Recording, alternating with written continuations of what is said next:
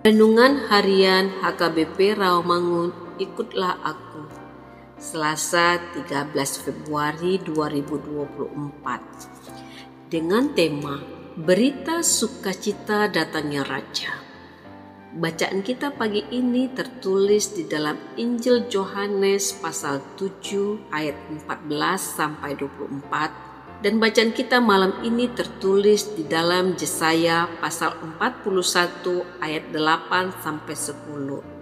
Dan kebenaran firman yang menjadi ayat renungan harian kita hari ini diambil dari Yesaya 52 ayat 7 yang berbunyi betapa indahnya kelihatan dari puncak bukit-bukit kedatangan pembawa berita yang mengabarkan berita damai dan memberitakan kabar baik, yang mengabarkan berita selamat dan berkata kepada Sion, Allahmu itu Raja, demikian firman Tuhan.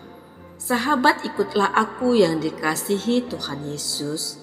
Ayat ini ditujukan pertama untuk orang yang membawa berita pembebasan orang tawanan di Babel Ayat ini juga melambangkan pemberitaan keselamatan melalui Mesias yang akan datang di dalam kota yang di tengah-tengah gunung-gunung, bukit-bukit. Hal ini mau memperkenalkan Yerusalem, di mana orang-orang menantikan berita. Si pemberita turun di lembah dan tidak tampak lagi, lalu muncul kembali di bukit yang lebih dekat dan dari tanda yang diberikannya sudah pasti bahwa kabar yang akan disampaikannya adalah kabar baik. Sekali lagi ia tersembunyi dan kelihatan lagi begitu dekat.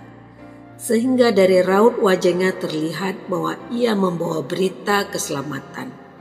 Demikian Nats ini mengatakan bahwa Allah adalah benar-benar berkuasa sebagai Raja.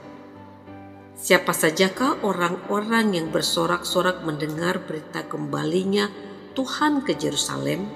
Mereka yang merindukan Tuhan inilah kelompok orang-orang yang bersorak-sorak karena Tuhan menyatakan dirinya di tengah-tengah umat.